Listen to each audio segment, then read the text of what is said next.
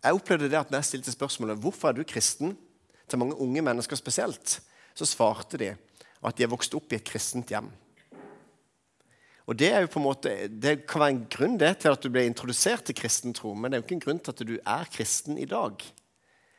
Og Veldig mange også er opptatt av å fortelle om, om eh, sin troshistorie. Hvor du kan fortelle, og Det er kjempefint å dele troshistorie, men det er ikke det jeg har lyst til å fokusere på akkurat nå.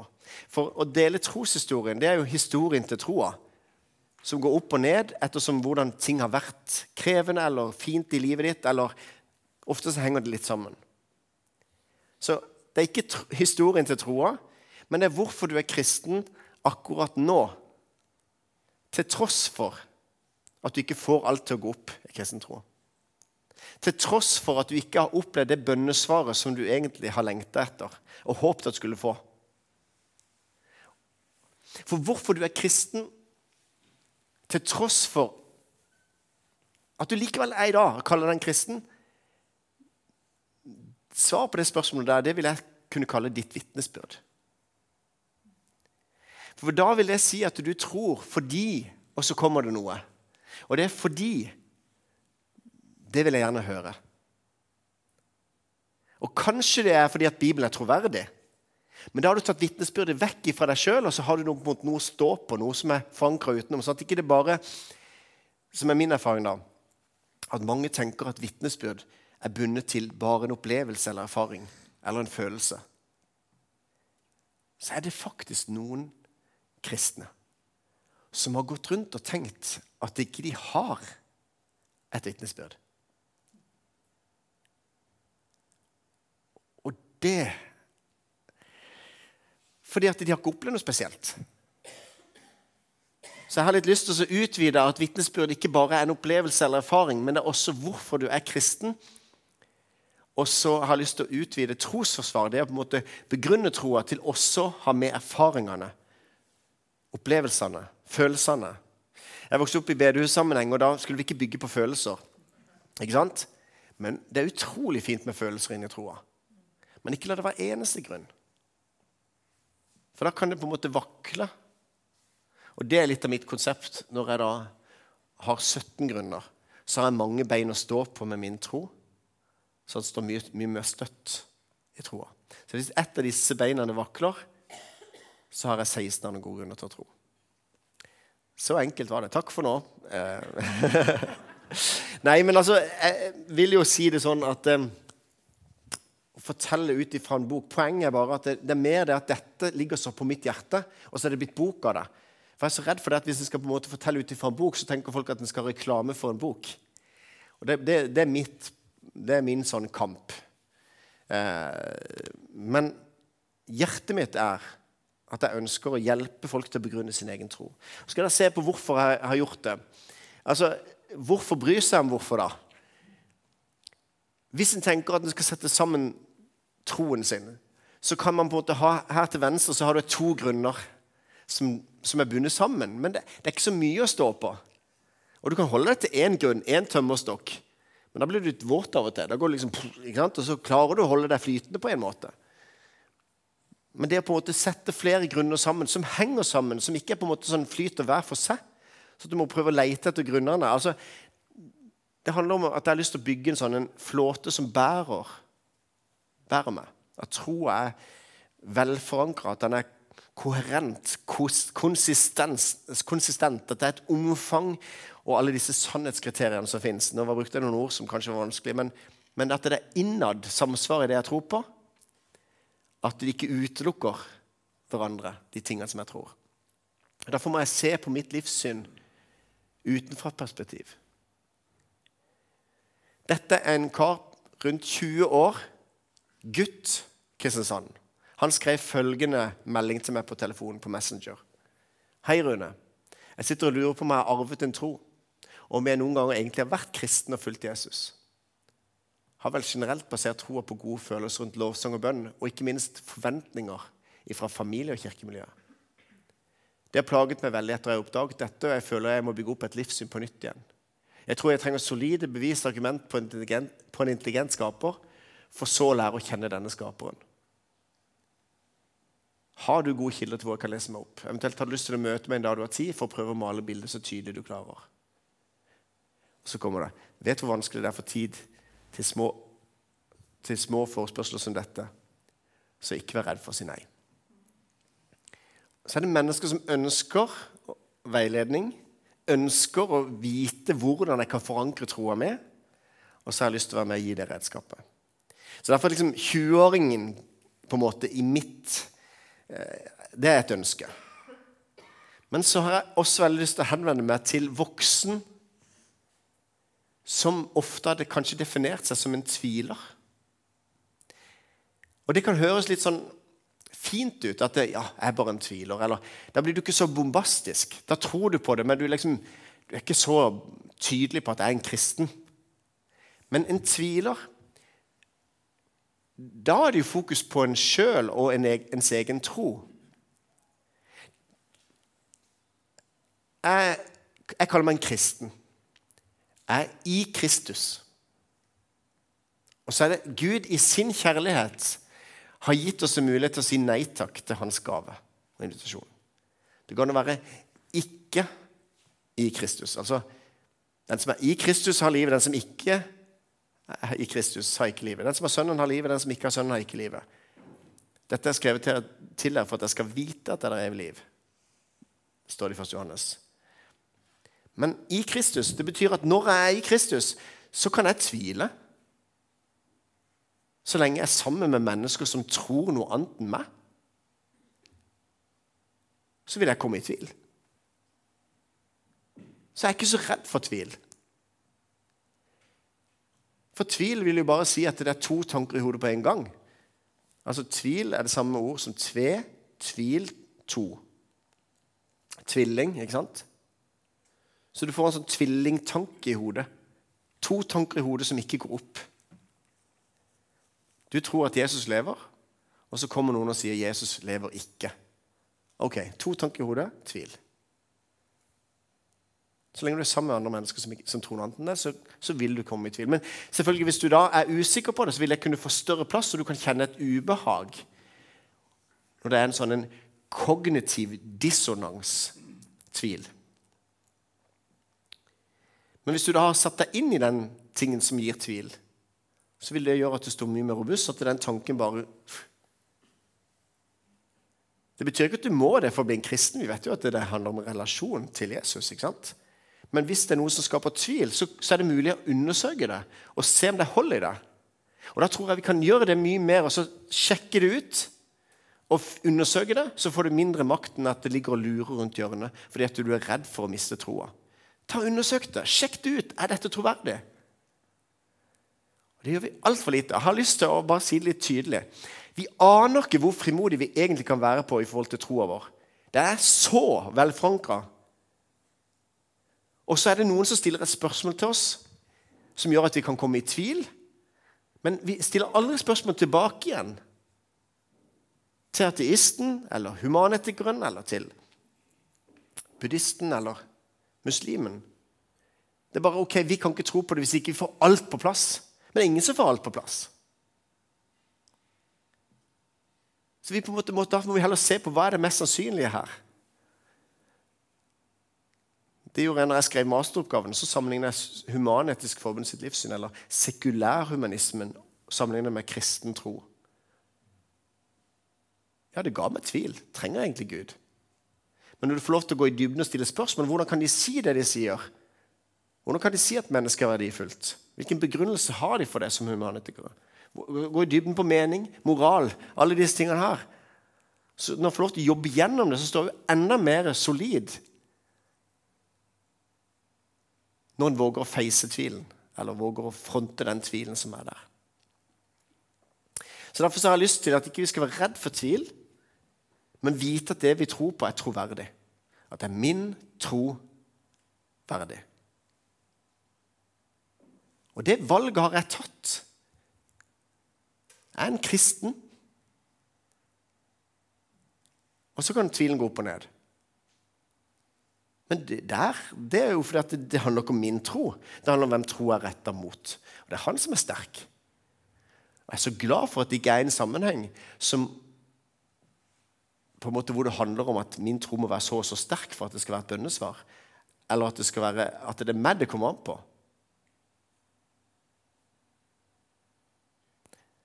Så det gjør at jeg sier at jeg er en kristen, så har jeg lyst til å fortelle grunnlaget for at jeg er det. Så at du kan liksom sette sammen grunnene. Og sånn sett så skulle jeg så ønske jeg at mange flere av disse unge familiene får lov til å få med seg dette budskapet. Som får lov til å begrunne sin egen tro. Fordi at det er så mange påvirkninger fra samfunnet i dag. Og mange av de som er, kaller seg for ateister, som på en måte ikke tror at Gud finnes, de bare argumenterer for sin, for sin egen tro ved å argumentere mot vår tro. Så Det er ikke noe at de sier hva de tror sjøl, de sier bare hva de ikke tror. Og Hvis jeg stiller spørsmålet hva tror du da? så er det veldig interessant å se hvordan de tingene henger sammen. Om det er velforankra, velbegrunna osv. Det, det, det, det er kanskje litt arrogant å si, men det er veldig få som har virkelig tenkt igjennom sitt livssyn. Hvis ikke de er kristne, eller hvis ikke de ja, tar de konsekvensene av det livssynet de har.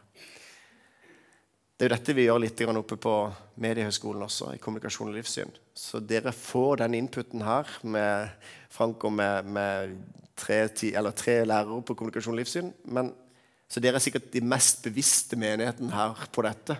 Så jeg skal ikke gå noe mer inn på det. Men det er veldig mange som ikke er klar over det. Og det er mange som sier at det er, Rune, det er du som tror på noe, så det er du som har bevisbyrden. Ja, Det er helt greit i forhold til det med, med å tro på Gud, men hva tror du, da? Jeg tror ikke på noe. Jo, du tror på noe. Fortell hvordan ting er blitt til. Fortell hvilket syn du har på mennesket. Fortell hva er rett og galt. Hva er meningen med livet? Så skal jeg si hvilket livssyn du har. Alle har et livssyn. Og det er den vi må prøve å utfordre. Så skal jeg gi svar når noen spør meg. Men det gjør kanskje at vi av og til lar være å si at vi er kristne, fordi vi er så redd for, for hvilket spørsmål vi får tilbake igjen. Hvis jeg sier jeg er kristen, så kan jeg få spørsmål som vi ikke klarer å svare på.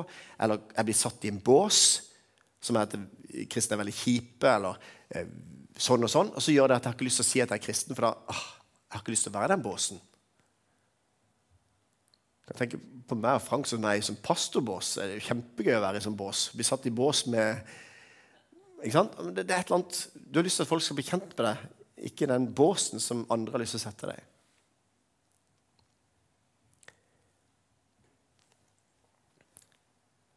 Så jeg har lyst til at det er grunnlaget for Mange lurer på liksom, er det en trosforsvarsbok.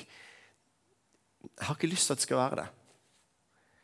Jeg har lyst til at det skal være vitnesbyrdets bok.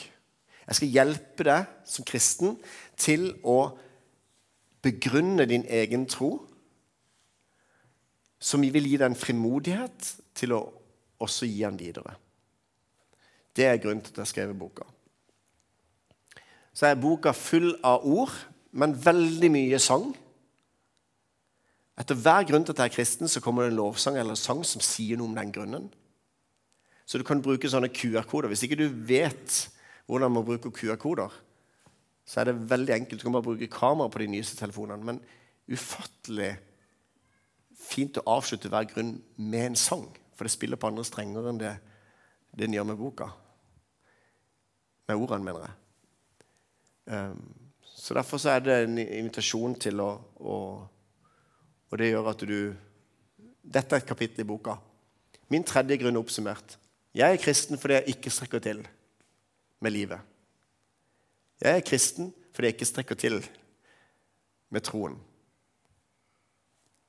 Jeg er kristen fordi jeg elsker for den jeg er, og samtidig så elsker at Gud ikke vil at jeg skal forbli i det som er ødeleggende for meg. Og så kommer noen anbefalinger med noen sånne YouTube-filmer. Ikke noe mer lesning, men YouTube-filmer som gjør at du tar QR-koden, så går du rett inn på fantastisk film som forklarer synd og forklarer det kristne budskapet. Eller Henry Noon, som er en bok som anbefaler akkurat det tilfellet. Men så er det en lovsang. Um, og så er det møte på å si hvorfor jeg er kristen. Og det er jo ikke interessant hvorfor jeg er kristen. Det er først interessant når du relaterer det til deg sjøl. For Når jeg da forteller hvorfor jeg er kristen, så utfordrer jeg deg til å begrunne din egen tro. Um, og Så blir det en spilleliste på 17 grunner til at jeg er kristen, som går an å finne på, på sånne Spotify og andre steder. Um, men du skal begrunne din tro og dele den. Det er tanken. Og Fordi dette er en presentasjon av mine grunner, så har jeg valgt å ta den siste delen der med begrunne troa og dele troa. Det har jeg på slutten av boka. Sånn at jeg i starten kan invitere den som er nysgjerrig på kristen tro, til å undersøke troa. Og Da er det sånn et forord til de som ikke kaller deg en kristen, eller som tviler mer enn du tror. Altså det er en invitasjon til å se nærmere. Her forteller jeg mine grunner.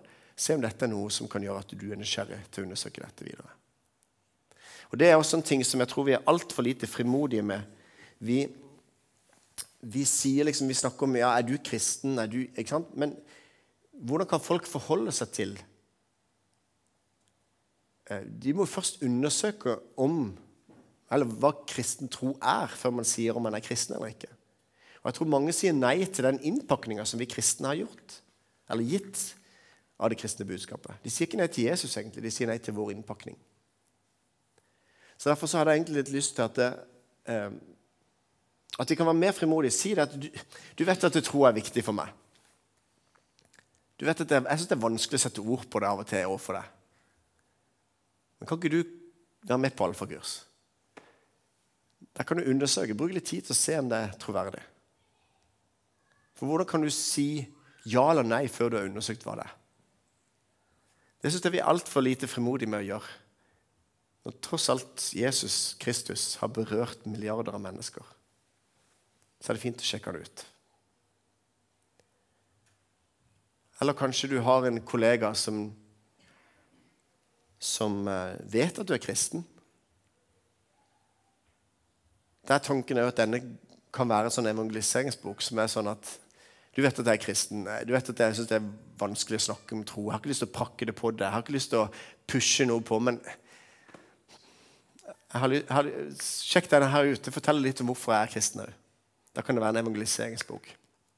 Eller det kan være å gi til sine barn um, hvis, det, hvis, det, er noen som har et barn, eh, voksent barn eller noen som ikke tror så går det også an å undersøke og gi. Fordi at man gjør det i kjærlighet.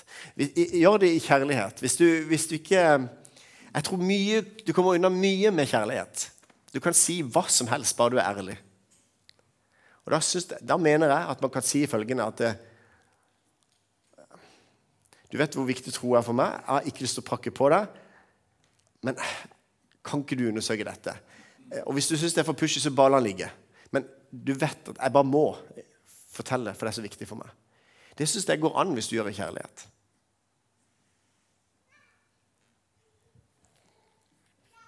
Til slutt, med bakgrunnen for hvorfor jeg skrev boka, så, så er det sånn en eh, dedisering i starten. Og Der skrev jeg det til Mathea, Marius og Malin. Måtte denne boka hjelpe dere med å begrunne deres egen tro fra pappa. For jeg har lyst til at de skal få lov til å begrunne og finne ut av sin egen tro. Ikke tro fordi at jeg tror, spesielt ikke fordi at jeg er pastor. Men fri de fra det, men la de få lov til å finne gode grunner for å tro sjøl. Så er det nok fra 16 år oppover, tenker jeg, denne boka her.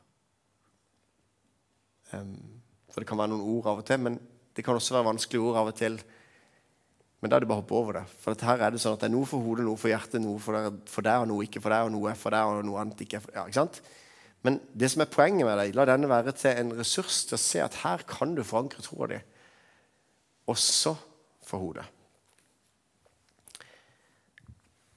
Jeg vet ikke om dere er klar over det, at Bibelen, når Jesus i Matteus 22, 37 sier at du skal elske Herren i Gud av hele ditt hjerte, av hele din sjel, og med all din forstand. Så siterer jo egentlig han fra må gjøre den ene, femte Mosebok, kapittel 6. Tilbake igjen. Egentlig til jødiske trosbekjennelsen, Shema Israel. Det er jo egentlig, Du skal elske Herren Gud av hele ditt hjerte og hele sjel med all din makt. Og så, Når Jesus siterer det, så sier han forstand. Siterer Jesus det feil? Har du tenkt på det, egentlig? Jeg tenkte hvorfor det står 'forstand' i Nytestamentet, der Jesus siterer. Og så står det litt forskjellig forskjellige steder, men, men, det er litt interessant å se på det. Og det syns jeg vi kan ta her. Fordi for en jøde, eller hebraisk tankegang, da er hjertet det sentrale i mennesket. Der er alt. Følelser og tanker og hode ikke sant? Og alt hodet, sier jeg. Men følelser og tanker er i hjertet. Bevar ditt hjerte framfor alt du bevarer, for livet går ut ifra det. Men i en gresk tankegang, som Det nye testamentet er skrevet i, så er det mer det skillet som vi har også i dag, med hodet og hjertet. Tanken og følelsene. Så på en måte Det er selvfølgelig at du skal elske Gud med hele deg. Med tankene, med fornuften, med forstanden, med hjertet, med hele deg. Du skal la Jesus tyte fram overalt. Så Derfor så trenger vi å forankre troa eh, på en måte med, med, opplevelser og erfaringer. Vi trenger å ha det i forhold til at det er fornuftig å tro. Vi trenger å ha det i forhold til at det er, Bibelen er troverdig. Vi trenger å få en bredde av grunner til å tro. Gir det mening? Så eh, Ja. Det er bakgrunnen, og dette er min tro. Dette er mine 17 grunner. Er det sånn en kan jeg, kan jeg trykke her? Nei, kanskje. Er det laser? Åh. Var ikke det gøy? Det er fancy. Ja? Så dette er på en måte bildeveggen. Dette er mine 17. Hver av disse grunnene her er satt sammen til min bildevegg. Dette er min tro. Og så zoomer jeg inn på de ulike til hvorfor jeg er kristen. Og da tenker jeg at eh, jeg skal gjøre det nå, men jeg skal ikke bruke så mye tid på hver. Og der kan du tenke at eh, Det blir nesten litt rart å si den grunnen hvis ikke en begrunner den så mye. Eh, men jeg kan ane hvor vanskelig det har vært å få det ned i 17 grunner. Det er det ene. Og for det andre hvor vanskelig det er også å si så lite på hver grunn. Men her er poenget at jeg går i dybden ved å gå i bredden. Fordi at Du kan skrive en bok om bønn, men jeg må ha alle grunnene ved siden av hverandre. Og da kan du ikke si så mye. Og Derfor blir det sånn at det blir det blir eh, ja, noen grunner som er begrunnet hvorfor jeg, og så og så er det selvfølgelig Nå blir det enda kortere versjon jeg skal fortelle til dere nå. Så eh, ja, jeg tror vi begynner. Den første grunnen til at jeg er kristen, den talte også ut fra fellesmøtene en, hvis noen var på de i vår. Da var det 'Hva er meninga med livet?' som var temaet. Så brukte jeg ut ifra den boka som skulle egentlig vært kommet, da, men som ikke fikk ferdig pga. undertegnede. Det var litt for mange ting. Men den første og andre grunnen er ut ifra det temaet der. da der var det også Er det fornuftig å tro på Gud i 2023? Så det var de to grunnene der. Så de skal jeg gå veldig lite inn på nå. Jeg har lyst til å bare si kort at det, hvis du er ateist så må du tro at alt er blitt til av tilfeldighet. Det er ingen grunn til at ting er blitt til. Det bare skjedde. Derfor er du en tilfeldighet, og det er ingen mening med livet ditt. Du må bare fylle det med mening. Som kristen så kan jeg si at det, det er en mening med livet ditt. Du er villet, du er ønska. Gud tenkte dette og Gud ville det. Og det er helt vilt. Vi aner ikke hvor verdifullt det er, istedenfor å måtte liksom, finne meninger med livet sjøl. Det er veldig tungt for unge mennesker i dag. Når du har alle muligheter, men du må finne meninger med livet sjøl. Det er kjempekrevende. Og jeg tror dette at, at det er noe mer. At det, det, ikke alt. Og Derfor denne larven som blir til en sommerfugl, og det bildet der. Som er et av de flotteste bildene på det nye livet som kristne. Dette livet er ikke alt. Hvis vi tror at det er alt, så aner vi ikke hva som skjer etterpå. Vi klarer ikke å forstå hva som kommer etterpå. Så derfor må vi være innenfor apropos menneskespråk. Vi må bruke larvespråket for at larven skal forstå hva himmelen er. Så kan vi snakke om kål og frisk kål og en himmel full av kål. Mens når kålen kålormen blir, eh, går inn i denne puppen og, og puppestadiet og blir forvandla til en sommerfugl, så er ikke sommerfuglen opptatt av kål. Det er noe helt annet. Det er en helt ny dimensjon. Så hvis en kan se det at dette livet ikke er alt, da sier jeg ikke at det er en mening med alt som skjer. Det er noe av det viktigste budskapet jeg har til folk. Det er ikke en mening med alt som skjer. Det må du tro som muslim. Alt som skjer, er Allahs vilje. Som kristen så har det skjedd et brudd med Guds vilje. Så hvis det skjer vonde ting, så er ikke det Guds vilje, vår Javes Guds vilje. Men Gud har tillatt at det skjer. Men alt som skjer, er ikke Guds vilje. Det er bare, bare sånn understreke det. Så når jeg sier at det er mening med livet, så betyr ikke det at det er mening med alt som skjer. Men det er. Du er villet, du ønsker deg en hensikt. Ok? Det er en grunn til at jeg er kristen. Den andre grunnen til at jeg er kristen, er at jeg har ikke nok tro til ikke å tro. Jeg har ikke det. For meg så krever det større tro å tro at alt blir til av ingenting, enn å tro at noe står bak.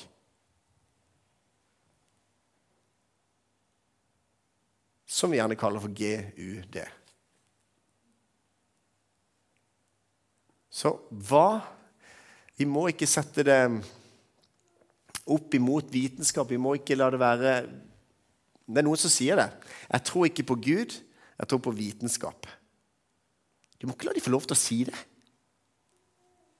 Som at det er alternativet til Gud. Det, det skjønte jeg ikke, må du si da. Jeg tror på Gud og vitenskap. Det motsatte av Gud er ikke vitenskap. Det motsatte av Gud er ikke Gud. Ateisme. Og en ateist har et kjempeforklaringsproblem med hvordan ting er blitt til. Så se hva som La det være Det samme er jo hvis, hvis noen sier på skolen at, det, at, det, at ikke de tror på Gud. Så må ikke dere finne på å si at dere tror på Gud, altså. Nå,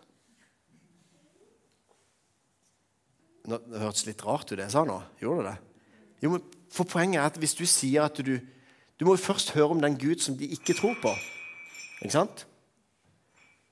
For mest sannsynlig så tror ikke du heller på den guden de ikke tror på. Så vi tar for gitt at vi snakker om samme Gud. Når noen sier 'jeg tror ikke på Gud' Nei, det gjør jeg. Du må ikke gjøre det. Du må jo høre om den Gud som de ikke tror på. Å, nei, jeg er jo ateist i forhold til det gudsbildet. Så det handler jo om at vi, vi må ikke ta for gitt at vi snakker om det samme. Da må du heller si kan jeg få lov til å fortelle om den Gud som jeg tror på. Men ikke ta for gitt at du snakker om det samme. For de har fått et bilde som det kan godt være. Jeg skjønner veldig godt at det er mange ateister i Norge. Skjønner kjempegodt. Gitt det gudsbildet de har. Ok?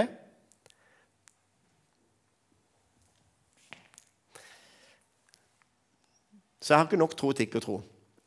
Og Det er en sånn setning som tar fire sekunder å si. Og som du kan ha forberedt sånn når du får spørsmålet når du kommer ut etterpå her, og så får du spørsmålet hvorfor er du egentlig kristen, da har du forberedt det svaret. Nei, jeg har ikke nok tro til ikke å tro. Jeg beundrer din tro. Jeg leker litt med ord, men, men, poenget er at jeg ønsker å få den andre til å tenke. Og så ønsker jeg å få oss til å tenke. Og så Alt jeg formidler her, er evangeliet. Men jeg sier utfordre det på en måte så at, du, at ikke vi bare sier at Jesus døde for våre synder på Golgata. Det er riktig, men vi må kunne si det så at vi sjøl skjønner det. For det er veldig mange som ikke skjønner hvorfor vi trenger blod. Og hvorfor er det blodtørstig Gud? Altså, er det med? Vi må nødt til å begrunne hvorfor vi tror det vi tror.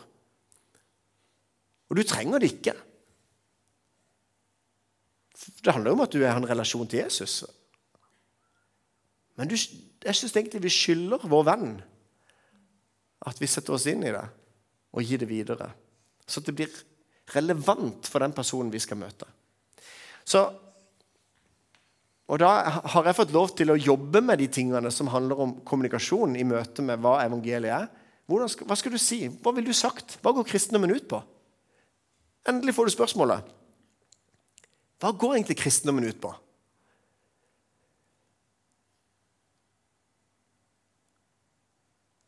Da er det mange som har, svarer følgende ord. Det, det bokstaveres på følgende måte. E E-E-E-E-E-H. Vet dere hvordan det uttales?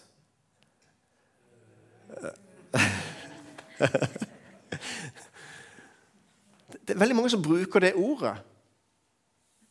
Eller Jeg syns den som stiller spørsmålet, fortjener et bedre svar. Så det Egentlig så handler det om å være klar til å gi et svar når noen spør meg om det håp som bor i meg. Det står i 1. Petersbrev 3.15-16. Der står det egentlig 'Vær alltid beredt til forsvar' når noen krever dere et regnskap for det håp som bor i dere. Men gjør det med ydmykhet med Guds frykt. 1. Petersbrev 3.15-16. Og det er forsvar der. Det er apologia på gresk. Og derfor får vi apologetikk. Så det trosforsvar er på en måte ut ifra det. Men jeg har veldig lyst til å skrive det om litt, for vi hører forsvar som i at eh, du skal forsvare Gud. Og vet du noe? Det er ikke vår oppgave. Altså, Han kan forsvare seg sjøl. Hvis ikke vi sier noe, så skal steinene rope. Men hvis vi skriver det om på den måten at vi gjør det sånn Vær alltid klare til å svare når noen spør deg om det er håp som bor i dere. Vær alltid klar til å gi et svar når noen spør deg om hvorfor du er kristen. Vær alltid klar til å gi et svar om det håpet, at du kan gi en begrunnelse for det. Fordi at det er den som stiller spørsmål, og fortjener det. Så du, ikke, du skal ikke forsvare Gud, men du er innkalt som vitne. Og vet du hva vitner gjør? De forteller hva de har sett og hørt. Og det kan vi gjøre. Da trenger jeg deres vitnesbyrd. For sammen med alle de hellige så skal jeg fatte bredden og lengden og høyden og dybden av hvem Gud er. Guds kjærlighet er. Så, så vitnesbyrdet er at vi forteller hva vi har sett og hørt. Og da trenger jeg, og da trenger verden, at du deler at du er kristen, og hvorfor du er det. Del at du er kristen, og hvorfor du er det. Tredje grunn til at jeg er kristen, kommer jeg ikke til å gå inn på. Den oppsummerte jeg i stad. Men så, så dere hvor viktig han var? Det er bare det hører vi ofte i kirka. Men det er kjempeviktig. Og jeg Ja. Um, jeg, jeg kan ikke si noe om alt. Naturvitenskapen peker på Gud. Ikke la det være noen motsetning mellom vitenskap og naturvitenskap og Gud. Det er så rått å se. Altså hvis, du, hvis universet, trodde lenge at universet alltid bare hadde vært til. Helt til liksom, vitenskapen viser at det har vært en begynnelse. Hvordan han kan si det, er fordi at energien er på en måte i ferd med å ebbe ut i universet. og Hvis det hadde vært en evighet, så skulle energien gå tom for lenge siden. Du har at det har vært en begynnelse fordi at det fremdeles utvider universet seg den dag i dag. Så det har vært en start. Masse argumenter som gjør at plutselig så blir Bibelen relevant. Og Da må ikke vi presse på og så skal liksom si at vi er mot evolusjon. Vi må være imot at evolusjonen er svar på alt. At, det, at det istedenfor Gud som en forklaring, så blir liksom evolusjonen en forklaring. Det er bare tull. I så fall så er evolusjonen er hvordan det skjedde. Men det kan ikke jeg nok om. For ikke et eneste fysikkpoeng eller biologipoeng på skolen. ikke sant? Eller videregående utdannelse. Eller høyere utdannelse. Så derfor skal jeg, Da blir jeg en lettvekter på det punktet der. Men hvorfor evolusjon? Hvis det er evolusjon, da. Hvorfor? Hvorfor er noe til fremfor ikke å være til? De spørsmålene der det gjør at vi kommer over på som tungvektere. Og Der har jeg lyst til å ha et pragmatisk syn på det og si at vi må slutte som kristne å lese bøker som er mot evolusjon, uten å ha satt oss inn i evolusjonen ordentlig. Og så må vi heller se de bøkene der som kjempegode argument på at det finnes en skaper. Og Hvordan han gjorde det, det kan ikke jeg nok om. Men Gud som er utenfor tid og rom, det skjønner ikke vi. Vi skjønner ikke dette, for vi er innenfor tid og rom. Så vi skjønner ikke det. Når Gud er utenfor tid og rom, så er det ikke sånn at han sitter i 13 milliarder år og bare dupper hen. Liksom. Altså, altså, Gud skapte. Første dag, andre dag. Så ikke, vi, ikke, ja, vi er nødt til å på en måte se at naturvitenskapen det er det. Vi skal søke sannheten, og sannheten skal sette oss fri. Naturvitenskapens vesen og vitenskapens vesen er å søke sannhet. Problemet er at innenfor vitenskap også så er det noen ting som av og til ligger foran. F.eks. innenfor kjønnsforskning og andre ting så er det jo ikke biologien som taler. Det er noen premisser som er før man går inn og forsker. Og så blir det kjempekrevende. For det er noen premisser før sannheten. Men vi skal være kritiske. Vi skal våge å få fram sannheten fordi vi tror at vi tror på sannheten.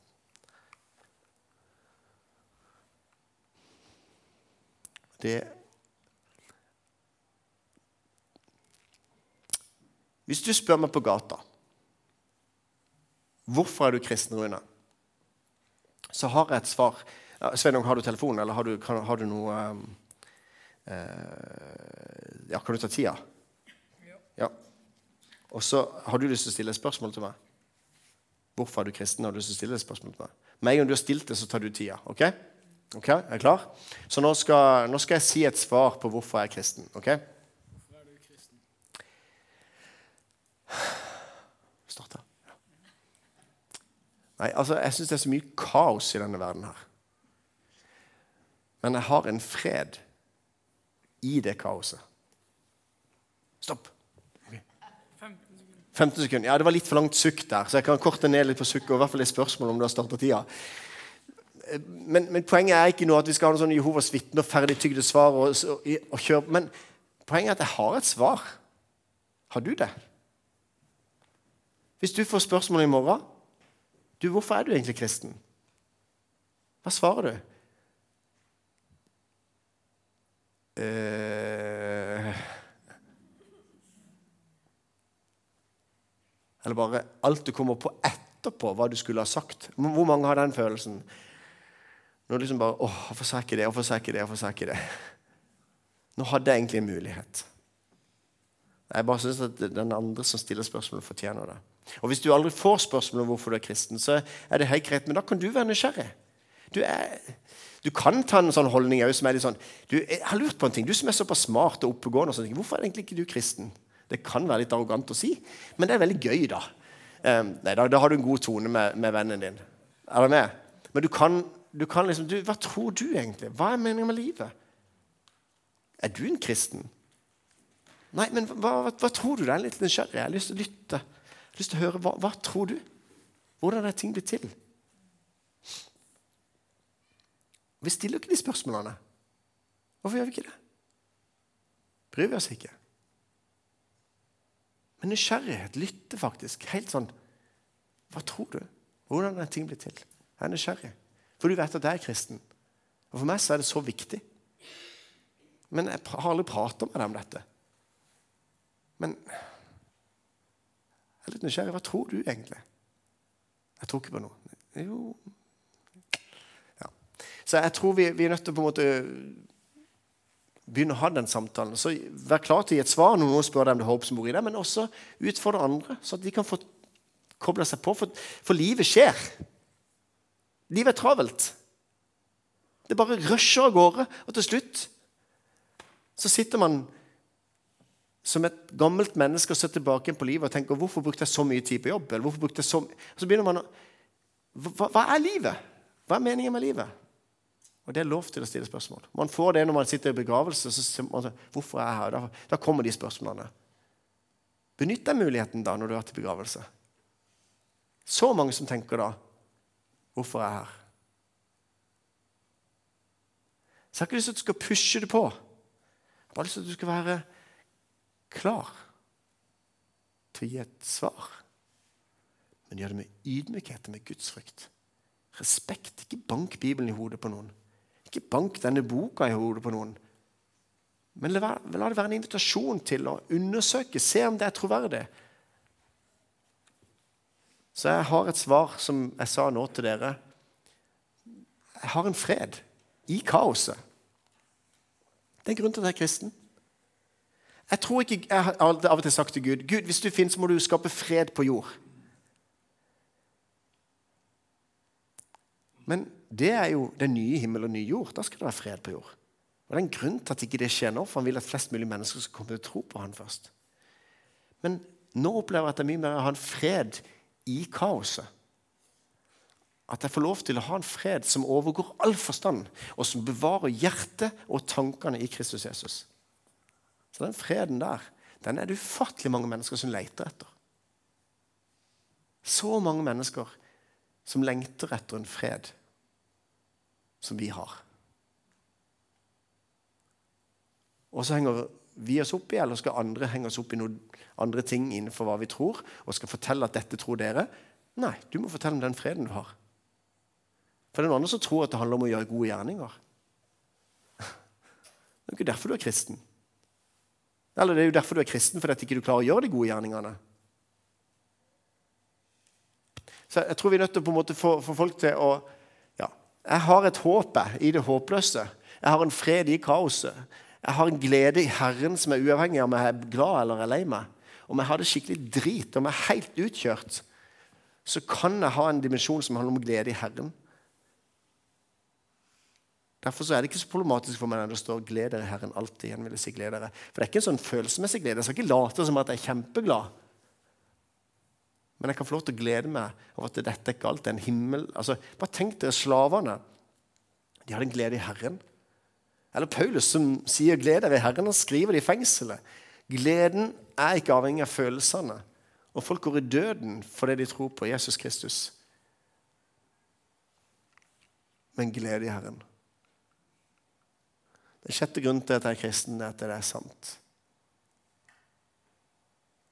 Den lar jeg være så kort. Og den provoserer litt. Men der utfordrer jeg toleransens intoleranse. Og det er et viktig kapittel. Der er vi nødt til å våkne som kristne. For vi kan ikke si at vi har funnet sannheten i dag, for da er vi intolerante. Og det er bare tull. Det er bare tull. Det er ikke toleranse. Utgangspunktet for toleranse er at vi er uenige. Og når vi er uenige, så må vi tåle hverandre.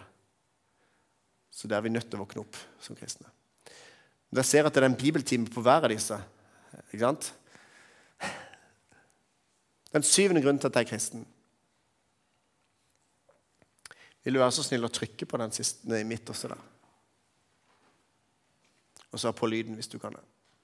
Da kan jeg lukke øynene, så skal jeg høre min syvende grunn til at jeg er kristen. Lukk øynene. Ta litt høyere.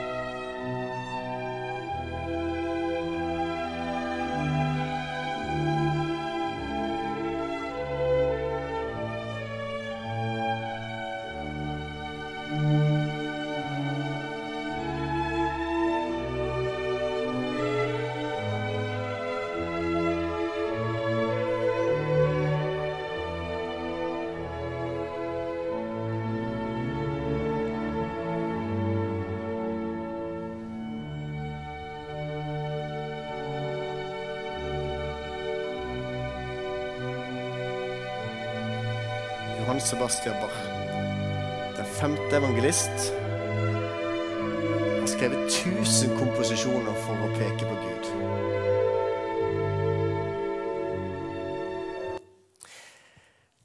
Den syvende grunnen til at jeg er kristen. Det fins noe som er vakkert, mektig, hellig. Og Egentlig har jeg ikke lyst til å gjøre noe mer enn å bare la den musikken tale for seg sjøl. en grunn til at jeg er kristen. Er du et evolusjonsprodukt, så skulle du ikke synes noe var vakkert. Det var ikke noe vits. Det er ikke noe behov for det.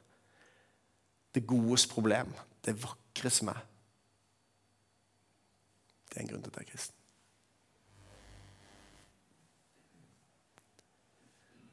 Åttende grunn til at jeg er kristen, det er det kristne fellesskapet. Og det er helt unikt. Her er det fra fellesmøtene i eh, KRS Live, som det heter nå. Det er en grunn til at jeg er kristen.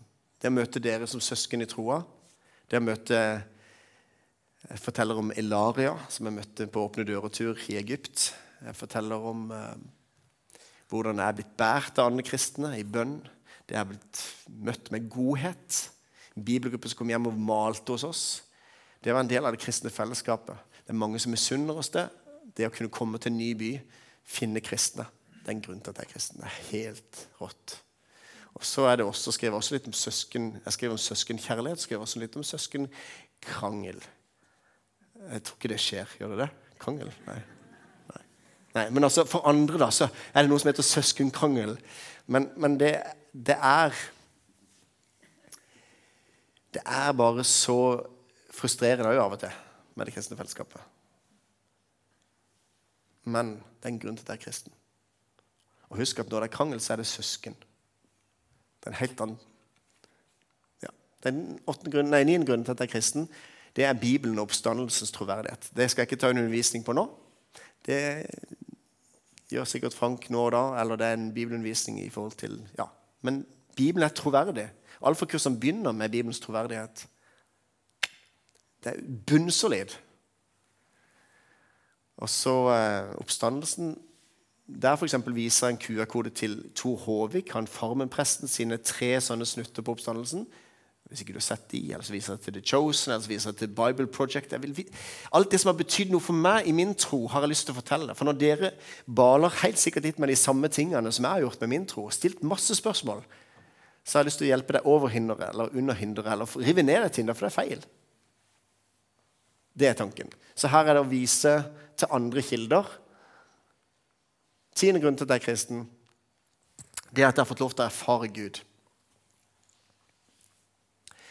Og Nå har jeg lyst til å fortelle dere om en erfaring som gjør at Jeg kan ikke si dette til mine ateistiske venner som må han bli kristen. For det er med erfaringer.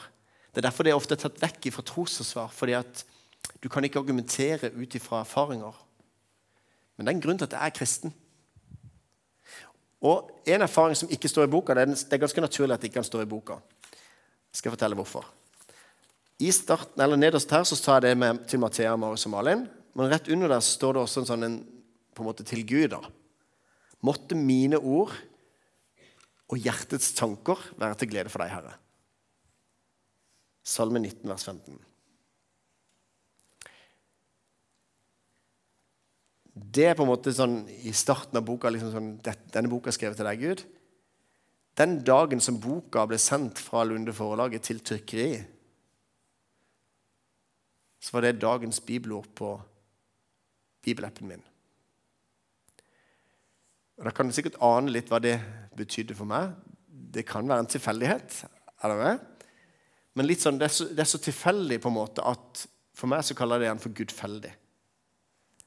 At det bare Wow! Akkurat det bibelverset, akkurat denne dagen, det var sånn Jeg ser der, Rune. Er du med? Så, og så Det verste av alt var at det, eller det som jeg syns er det stilige, da, det er at alle dere som har den bibelappen på telefonen, dere fikk det samme verset. Men det er ikke sikkert dere ble, la, la merke til det verset så mye som jeg gjorde. Så Gud taler av og til til oss med ulike bibelvers. Noen ganger er det sånn at du leser Bibelen og bare Wow! Har det stått der hele tida? Altså, og det var til meg. Eller du får et bibelvers. Noen sender et bibelvers. Åh, oh, det trengte jeg å høre. Så her tror vi på en levende Gud og en levende Guds ord som taler til oss på forskjellige ting. Så Derfor syns jeg det er et fint eksempel å bruke. For det at, jo, jeg har fått erfare Gud. Og så er det en sånn liten ting, men som er en stor ting. skjønner du? Og så opplever jeg at jeg har lyst til å ta det litt ned på hva det egentlig er å oppleve Gud. Vi tar det, ja, ja, men det har jeg fått mange ganger. Ja, men du har fått erfare Gud. Ja. Og Så forteller hun noe annet i boka, men det var bare litt gøy å ha en ting som ikke står i boka. Nå skjønte jeg hvorfor ikke den står i boka. Den ellevte grunnen til at jeg er kristen, eh, det er at det er et bedre, bedre alternativ enn religionene. Og Det er egentlig svar på spørsmålet hvorfor kristendommen fremfor de andre religionene. Så når jeg har blitt grilla som kristen rundt forbi, så opplever jeg at det er et veldig vanlig spørsmål. Og da har jeg lyst til å gi svar på det. Så det er ikke sikkert du trekker det fram, men, men du må jo sammenligne med de andre alternativene. Og da vil jeg ikke si at det er en religion engang, det vi tror på. En relasjon, ikke sant? Men det å våge å utfordre islam, det å våge å utfordre hinduismen og buddhismen, det gjør jeg der. Og så snakker jeg om hvorfor religioner har oppstått. Litt sånn som jeg sa tidligere til barna i dag. At det handler om vi skal komme opp til Gud istedenfor at Gud har kommet ned. Jeg sa til barna. Jeg sa ikke bare til barna, jeg sa til dere. Så det, det er ganske viktig. Jeg sa det sånn at barna også kunne få det med seg. Men ikke bare jente fire, men helst gutt ti. Det var det viktigste for meg. Et bedre alternativ enn religionene. Den tolvte grunnen til at jeg er kristen, det er En av de vanligste innvendingene mot kristen tro. Hvordan kan det være en kjærlig Gud når det er så mye vondt i verden? Som jeg har en grunn til at jeg er kristen.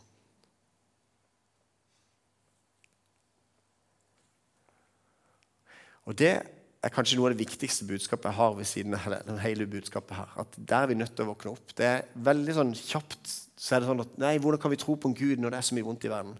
Hvis du går i dybden på det, så er dette de beste argumentene for Gud. Det moralske argument for Gud. Ufattelig sterkt argument for Gud. Og du løser ikke det vonde ved å ta bort Gud. Det vonde gjør like vondt. Og hvilken forklaring har da muslimen? Buddhisten? Hinduisten? Hvordan, hva forklarer ateisten i møte med onde? Altså, det er så viktig å stille spørsmål. Det er ikke bare vi som skal gi et svar. Og da mener jeg at kristendommen her er evangeliet. Så hvis jeg får det ondes problem som et spørsmål når jeg blir grilla som kristen, så forkynner jeg evangeliet. 13. grunn til at jeg er kristen, det er at jeg har opplevd bønnesvar og helbredelse.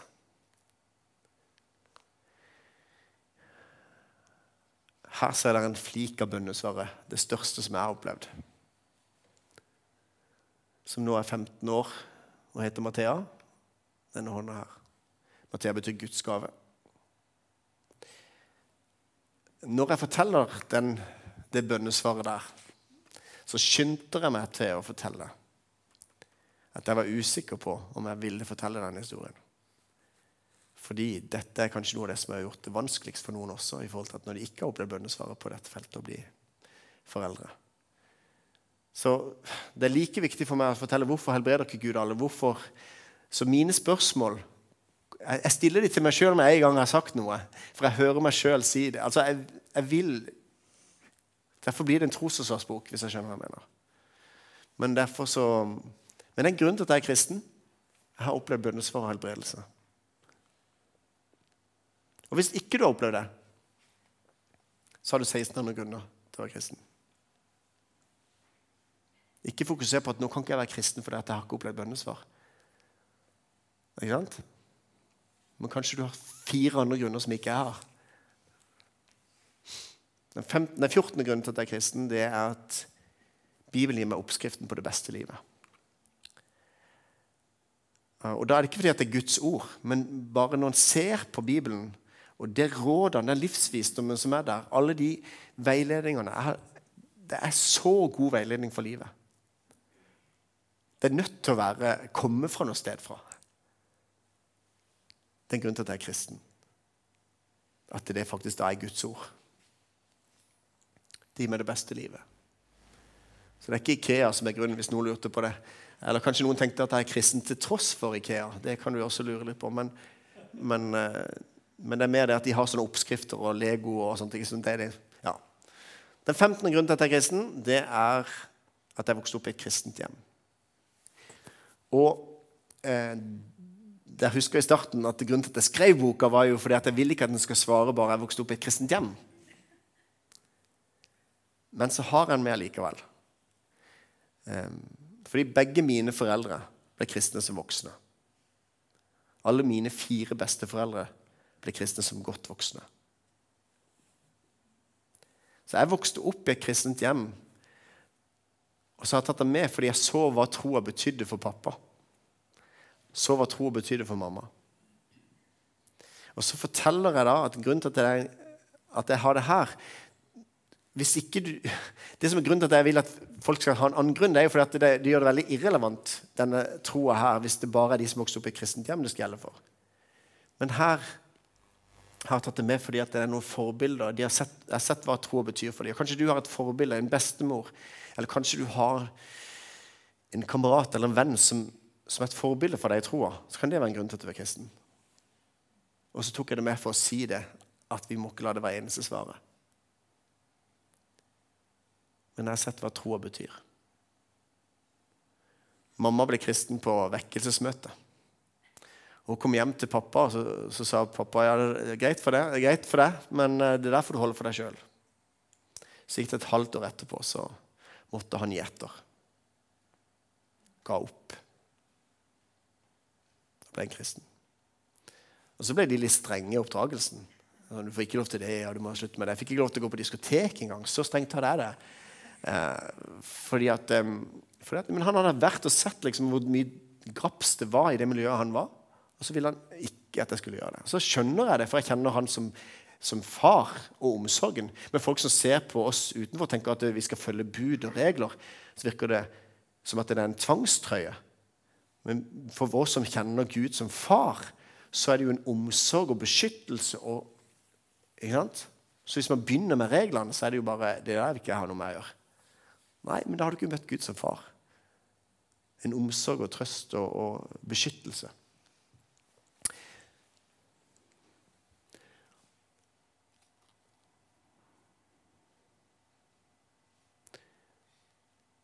Så er det litt spesielt når pappa nå er på, på sykehjem. 73 eh, år gammel, fikk 69 år, så begynte han å utvikle Alzheimer. Og eh, får lov til å besøke han nå. Vi har, eh, vi, Apropos den der å gå ned på Arø, ikke sant? Så, så, har vi samtale, men jeg får ikke noe ut av det. For det handler ikke om det intellektuelle, det handler om at vi har relasjon. Vi er sammen. Um, men det er veldig fint å, å um, Det er veldig fint å spille piano og synge sammen med han. Det er ikke den fineste sangen, men det er noe av det vakreste likevel. Hvis jeg skjønner hva jeg mener. Så, um, så jeg er veldig takknemlig for at jeg har fått det hjemmefra. Og, um, og også takknemlig for at jeg har et livssyn hvor hans verdi ikke avhenger av om han presterer, men at han er uendelig verdifull. At ikke barnet skal ha prestert noe, det er bare uendelig elska. Ja, det var Den 16. grunnen er kanskje ikke noe som du relaterer til, men det er egentlig bare jeg har lyst til å fortelle noe av det som jeg fant i masteroppgaven min. Når jeg da sammenligner med sekulærhumanismen. Og bare, Vi har så god grunn til å være frimodige. Så da deler jeg litt av det, og deler at alle har et livssyn. Um, så det er den 16. grunnen at det, det mest sannsynlige livssynet. Så da er det imot religionene, og så er det også mot det med, med livssyn, som ikke har Gud i seg. Så jeg har delt det opp i to for å kunne få sagt litt mer. Ok? 17. grunn til at jeg er kristen.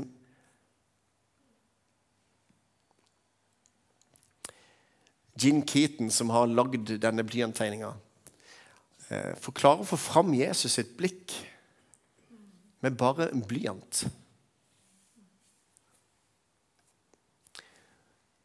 Så måtte jeg ta Google Translate og sende over til henne før jeg kunne få godkjent å ha det inn i boka. Og så Google Translate engelsk. Men hun bare så, for dette vil jeg være med på å understreke. For hun bruker blyanten, men vi er utfordret til å bruke våre liv. Hun klarer å få fram Jesus sitt blikk med bare en blyantstrek. Hvordan får du fram Jesus med, med, ditt liv? Hvordan kan vi vise Jesus sitt blikk? Hvordan kan vi være hans blikk? Eh, og Den som møter Jesus sitt blikk, blir aldri den samme. Jeg tror mange sier nei til det de tror er Jesus, men eh, hvis du møter Jesus sitt blikk, da blir du aldri den samme. Det er derfor er jeg kristen, for jeg har møtt det blikket der. Derfor er jeg kristen. Og så kunne det vært den eneste grunnen. Jo, Jesus, kan du si. Ja, men si Jesus, da. Fortell at du har møtt Jesus sitt blikk. Og etter det så blir du aldri den samme. Bruk den formuleringa. Jeg har stjålet akkurat den formuleringa fra Per Eriksen, som har formulert det på den måten. Så poenget er at men gjør det til ditt. Så at ikke du er redd for å på en måte Eller jeg har ikke nok tro til ikke å tro. Fortell det som din grunn til at ikke du er kristen. Men fortell det. Eller din grunn til at du er kristen. Ja, Nå går jeg litt i surr her.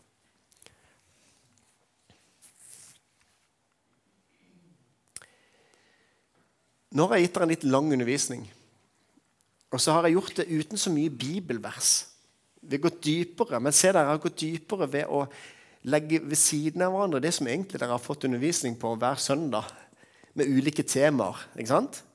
Og så har jeg lagt de ved siden av hverandre nå, og så sier jeg det er dette grunnlaget som gjør at vi er kristne. Det henger sammen. Det er fornuftig. Vi erfarer Gud. Alle, alle disse tingene her i siden av hverandre. Og så er det på en måte å gå i dybden da, ved, ved å gå i den bredden. Um, og så er jo ønsket mitt at vi skal begynne å dele denne troa. Ja, og, og, snakke med Gud om våre medmennesker før vi snakker med, med, våre medmennesker om Gud. Det tror jeg er en lur måte å gå fram på. Så snakk med Gud om din venn eller ditt familiemedlem. eller de som, Og så fortell at du har så lyst til å gi videre det du har. Finn en inngang. Og det verste av alt er at vi kan jukse litt. Jo, for vi har jo Den hellige ånd i oss. Så istedenfor å begynne på I begynnelsen skapte Gud himmel og jord, så trenger du ta hele Bibelen. Liksom. Det er ganske stress å dra hele greia hvis du bare har to minutter på bussen. Så går det an å be en bønn. Hva, kan, hva kan jeg si inn i den situasjonen som den personen er? Kanskje det er et bibelord. Kanskje det er en setning som gjør at du kan koble deg på der, der den personen er. Det er litt juks, det, da. Men, men jo, Gud har valgt å, å, å teame opp, eller å bli team med oss. Han har valgt å bruke mennesker en eller annen grunn til å formidle disse gode nyhetene. Så her er vi i Misjonshuset en søndags formiddag, og så har vi fått et kall til å være vitner. Og Hvis du føler det stress å fortelle, hvis du føler at det er en byrde å fortelle, så har jeg lyst til å fri deg i Jesu navn. For det skal ikke være noe byrde. Det skal ikke være noen stress. Men jeg har mer lyst til å si det at da må du heller bruke tid til å se hva du har. Så du kan få se hvem Jesus er. Bruke tid sammen med hans blikk, så at ikke du kan la være å fortelle om det du har sett og hørt. Og Det er derfor jeg står her. For jeg kan ikke la være å fortelle om det jeg har sett og hørt. Det, det, jeg har så lyst til at mennesker lengter etter den freden vi har. Jeg har lyst til at de skal få lov til å møte den. Um, så hvis dere har lyst til å være med og dele vitnesbyrdet om Han For vitnesbyrdet handler ikke om meg. Det handler ikke om deg. Det handler om at vi skal peke på Han.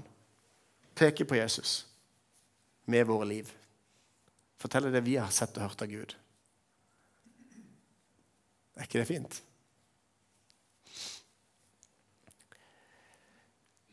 Så tenker jeg at eh, det var egentlig så mye tid nå. Altså, det kan godt være noen har spørsmål, men jeg har lyst til at det skal være litt spørsmål relatert til dette. Eller så kan jeg bli grilla, men, men, men uh, vi kan kjøre alt. Men, men nå har vi, jeg har brukt ganske mye av tida deres, og den er dyrebar. Men, uh, uh, Er det noen som har noen spørsmål sånn, sånn på tampen, eller har noen kommentarer? Kan utfylle det som har sagt, på en eller annen måte. Så, så lar vi ordet være fritt. Bare sitt der dere vil, eller der dere sitter, så kan jeg gjenta spørsmålet for alle. Vi har til og med mikrofon her. Ja. Vi kommer ikke til å drøye det nå, men jeg tenker hvis det er noen som har lyst Veldig gøy med en kommentar hvis det er et eller annet som ble bra for dere, eller som dere på en måte har lyst til å nyansere litt, eller Eller et spørsmål.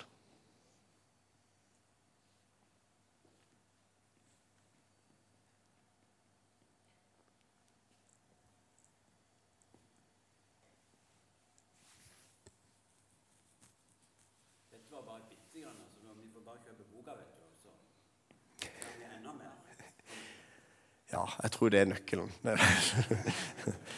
Nei, men igjen ikke sant? Jeg tror det. Jeg, men jeg, det er ikke tull engang. Nå er det sånn at jeg tror at dette vil være til hjelp for folk i troa. Og da står jeg litt sånn, litt sånn eh, Det var litt tålmodig sagt, nei, men jeg har erfart at mange har sagt det. Og, eh, så nå er det langt inn i tredje opplaget, og veldig mange som opplever at boka er til hjelp. Og så har jeg også sånn en, Det er litt gøy, for jeg, jeg, jeg, gir boka til de som ikke har kristne foreldre. Så hvis det er noen her som er unge og ikke har kristne foreldre, så gir jeg boka til dem. For jeg vil, ikke, jeg vil være med heie på For jeg har blitt heid på hjemmefra i forhold til troa.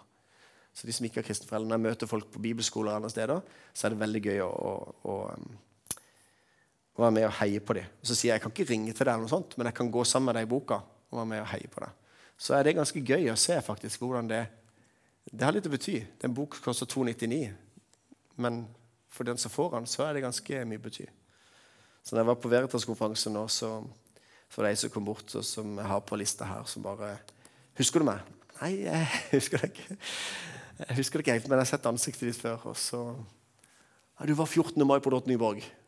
Da tok jeg imot Jesus. Og da er det jo den derre Da kan jeg gjøre dette her. Er det med? Da. Så jeg, ja, jeg tror boka kan være et redskap, men det skal være et redskap òg. For hvis for noen ikke har et kristent barn, for eksempel, så er det ganske vanskelig det der, der å skulle liksom pushe på troa på sine barn. Ikke sant? Du har så lyst til at de skal få se Jesus. Og så er det en balansegang der med å pushe på for venner òg. Kan jeg gi den boka?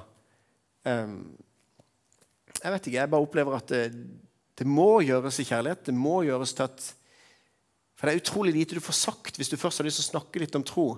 Så kan du si du, du vet det, det, så, så, får man sagt så lite. Så det er noe med det der å få hjelp til å kunne se Ta og undersøk denne her. Det kan være en sånn evangeliseringsbok på den måten. Ja.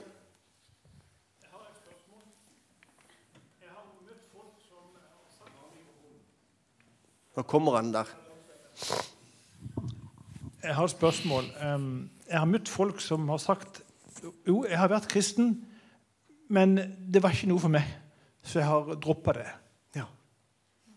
Altså, De har prøvd etter beste, etter beste evne å være kristen og leve mm. som kristen og mm. trodde de fikk noe. Men så fant du ut at nei, det var ikke noe for meg, så jeg droppa det. Mm. Hva skal du si til deg? Jeg hadde spurt litt mer. Veldig nysgjerrig. Altså, hva er det som gjør at du Hva opplevde du at kristendommen var? Hva var det som ikke var noe for deg? For Det er veldig interessant å høre deres refleksjon på at Nei, jeg fikk det ikke til. Da kan, da kan, du si at det handler noe om det. Eller kanskje at du følte ikke passa inn. Altså, det er mange sånn, Men du må lytte til hva er det som gjør at det ikke var noe for deg. For Hvis det er sånn at du syns det er fint å ha litt, eh, litt, idrett i livet, det er fint å ha litt eh, eh, det måtte være på tennene dine. altså du har mange sånne ting, Og så er det fint med litt religion også. Men så var ikke det. Det ga meg ikke så mye. Så er det liksom litt sånn feil å si at det handler om at det skal gi meg noe. For hvis det er sant, så må vi forholde oss til det. Og hvis ikke det er sant, så er det jo bare å droppe det. Det er det Paulus som er ganske tydelig i det. at hvis, hvis på en måte Kristus ikke er oppstanden, så, så har vi den latterligste troa av alle. Men nå er Kristus oppstått, og så argumenterer han ut ifra hvordan oppstandelsen er troverdig. Så, så, på en måte kanskje stille spørsmål hva som ikke var for deg, og så kanskje høre om det var noen feiloppfatning. Kanskje ikke de møtte Jesus sitt blikk. Kan, eller kanskje stille spørsmålet om ja, men Det er jo ikke oss det skal være som er i fokus her. Det er, hvis noe er sant, hvis Gud fins, så er det fint å forholde seg til hva han sier. Hvis ikke han fins, så dropp, dropp hele greia. Um, ja. Har du en oppfølging? ja, ja. Kan du ikke bare komme fram, og så tar vi en nei, samtale? Nei, nei, nei, jeg, nei jeg, jeg, er ganske sky, skjønner du. så ler alle. Ja. ja, ja. Eh, nei, ofte så, ofte så, så Sånn som jeg husker det han sa Det kristne fellesskapet, det skuffet han. Ja, ja. Da er det noe annet. Det, det vil vi gjøre. Så lenge det er mennesker, så vil vi skuffe. Ja, og, og det er ganske vanlig. Men, mm. men um, det er jo alvorlig jo samtidig. Det er alvorlig. Ikke, at ikke vi kristne klarer å ivareta ja. de som på en måte er på søken og ønsker. Mm. Takk. Og det er noe vi kan legge innover. Men, men, men, bare rett og slett si det at så lenge det er mennesker til stede, så, så vil vi skuffe. Og, og, ikke se på oss mennesker. Se, se på Gud. Konsentrer deg om Han. Det er mye mer, mye mer smart. Um, men så må vi ta inn over oss i forhold til hvem vi er til for. Er vi til for at vi skal ha det koselig sjøl, eller er vi til for at vi faktisk skal møte de som kommer nye inn i en forsamling? Så, men, men eh, kanskje bare sånn direkte råd Bare rett og slett si det at eh, ah, Jeg må ikke se på oss. men, men hvis Gud ja, Gud har alltid plass for en til som ikke får det til. holdt jeg på å si. Så, det, det, er bare, det, er bare, hyklere som er kristne. Ja, men det er alltid plass til en til. Velkommen. Kom som du er. Det er jo det er sånn. Ja. Takk for kommentarer og spørsmål. Er det flere? Ja. Jeg står med den legomannen ennå. Altså. Ja, Ingfrid hun skal få lov til å takke deg litt seinere, men jeg har lyst til å si takk ja, for det du har, har, bidratt med her i dag. Og så eh, er det jo noe med det med kristne fellesskapet som vi er inne på nå, at vi må være ærlige ja. i vårt kristne fellesskap. Mm. Vi må ikke lage noe overåndelig eller mm. spesielt åndelig at vi er bedre enn vi er. Men være den vi er mm. i Kristus. Og så til mitt spørsmål, altså utfordringa, det er I dag skal så veldig mange mennesker forstå Gud. Mm. Og så kommer du til punkt der du ikke forstår. Mm. Og sånn må det være, egentlig. Kan du si litt mer om det? Du skal ikke bruke mye tid. Men.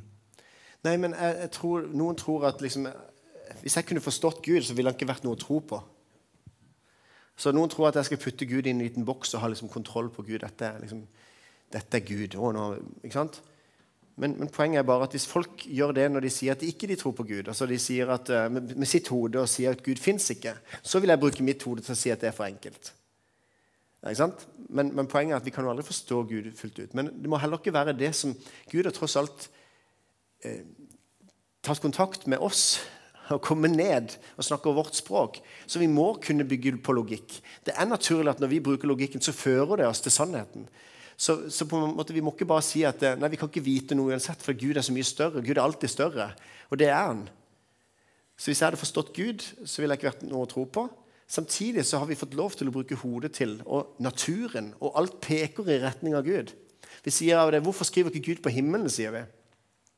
Han har jo virkelig skrevet på himmelen. Virkelig. Og det er jo salmisten i Salme 8 sier når jeg ser din, din, himmel, et verk av dine fingre, var det et menneske at du kommer i hu? Eller tenk på alle de som ser et lite barn som blir født ut av mors liv. Altså Selv ateistene er kristne i en liten uke. De bare wow. Så Gud har jo på en måte skrevet Vi kan finne han, det er spor av Gud overalt. Men du må ikke måtte finne han. Og det er en løs nøkkel for meg som pastor og det å se smerten i alle som på en måte ikke vil ha noe med Gud å gjøre. Um, og, det, og, det, er et eller annet med at det, det er litt oppbyggelig, hvis jeg får som rett, når Jesus forkynte, og folk responderte på 'dette harde ord', og så gikk de. Når Jesus forkynte. Eller når han uh, møtte den rike mannen, og han lot han gå. Så jeg har litt lyst til å si at dette er en invitasjon. Kom, du som tørster. Kom, du som vil. Og så er det greit at ikke alle vil. Ja, men litt sånn. Fordi at Da kan de få det som de vil, en evighet borte fra Gud. og Jeg kan få en evighet med Gud. Og så er det litt av det synet på hvordan det skal være også der, men at det er mulig for å komme. Kom du som tørster, kom du som vil. Så jeg vil ikke kunne forstå Det handler om relasjon. Jeg kan ikke forstå Gud fullt ut. Jeg vil ikke ha det så veldig sort-hvitt, men jeg vil ikke heller at det skal være sånn at når vi, når vi blir eldre, så blir vi så at vi sier ingenting til slutt. Så jeg tror det er noe med å ta, ta det håndfaste og så ta tak i det. Og det håndfaste, det konkrete, det er at Jesus, altså Gud ble menneske. Så konkret. Jeg har en samtale som kanskje noen av dere vet med, eller har hatt det, med pastoren og psykologen, i en podkast med en ateist og meg som kristen. Og han syns det er så problematisk at jeg skal gjøre Gud så konkret, at Gud skal blande seg i hvordan vi skal leve. Han vil ha mer Gud som en kraft og en abstrakt ting. Åh, så vet du noe, Det er jo det jeg elsker. At Gud bryr seg om mitt liv. Hvordan han skal beskytte meg, Jeg er så konkret. Og i tillegg at han er blitt så konkret at han er blitt menneske. ikke sant? Altså, så, så jo, Gud kan bli noe, et eller annet der ute, men Gud har blitt kjøtt, blitt en del av oss. Og Det betyr at han har glede i det menneskelige. Glede i at vi koser oss i livet. Fordi at Gud så at det var godt. Men så er det noe som ødelegger det. da. Men, men det er noe med å bare um, se det som noe fint. Um, så hadde jeg egentlig en kommentar på det første du sa, men da var det noe med Ikke at det var bra, for det var hyggelig. Ja, Fellesskap. Ærlig. Og Grunnen til at jeg hadde lyst til å si det, var at eh, jeg trodde lenge at jeg skulle, siden Gud er perfekt, så tenkte jeg at jeg skulle representere ham perfekt. Er dere med? For Jeg har jo lyst til at Gud skal se hvor perfekt han er. Så i det kristne fellesskapet da, så tenker jeg liksom, nå må vi være helt perfekt kristen fellesskap. Men hvis jeg er perfekt, så ser jo ikke dere Gud. Bibelen er så full at må, vi må være sprukne leirkar. Og hvis vi er sprukne, så blir kraften synlig. Så blir nåden synlig. Så hvis vi er perfekte, så er kanskje det som folk tror, da, at de kristne er de som får det til. Det er kanskje fordi vi ikke har vært ærlige og våget å være, ha sprekker. sånn at Når vi kommer til vår venn, så skal ikke vi bare smile og fortelle at vi har en glede. Vi skal fortelle hvordan livet er drit. Unnskyld uttrykket. For da kan de relatere til våre liv. Så kanskje feilen at, vi, at vi, vi har lyst til å være perfekte fellesskap og vise oss fra vår beste side. Men kanskje det vi egentlig skulle gjort, var å være dønn ærlige og Det tror jeg vi er. Vi prøver i hvert fall å være også, men leve ekte og ærlig. For da blir Guds kraft synlig i vår svakhet. Så kanskje de kommer inn og sier her er det en gjeng som er som meg. Det hadde vært gøy. Men nå, nå syns jeg det var fantastisk å komme til dere. da. Det var alle generasjoner samla. Det var flott å se dere. Men våg at ikke det skal være en fasade men ærlighet og ekthet. Og så tror jeg, ikke noe, jeg tror ikke vi er sånn, men samla sett så kan det jo se veldig vellykka ut. da. Men det er sikkert bare sånn i Misjonshuset. Er... Så bra. Nå tror jeg vi kaller det for en dag, gjør vi ikke det? Nå har eh, Jeg har boka der ute tatt av med. Der kan jeg sende en sånn QR-kode. Og så hvis det er noen som ikke har kristne foreldre, så vil jeg gjerne gi boka.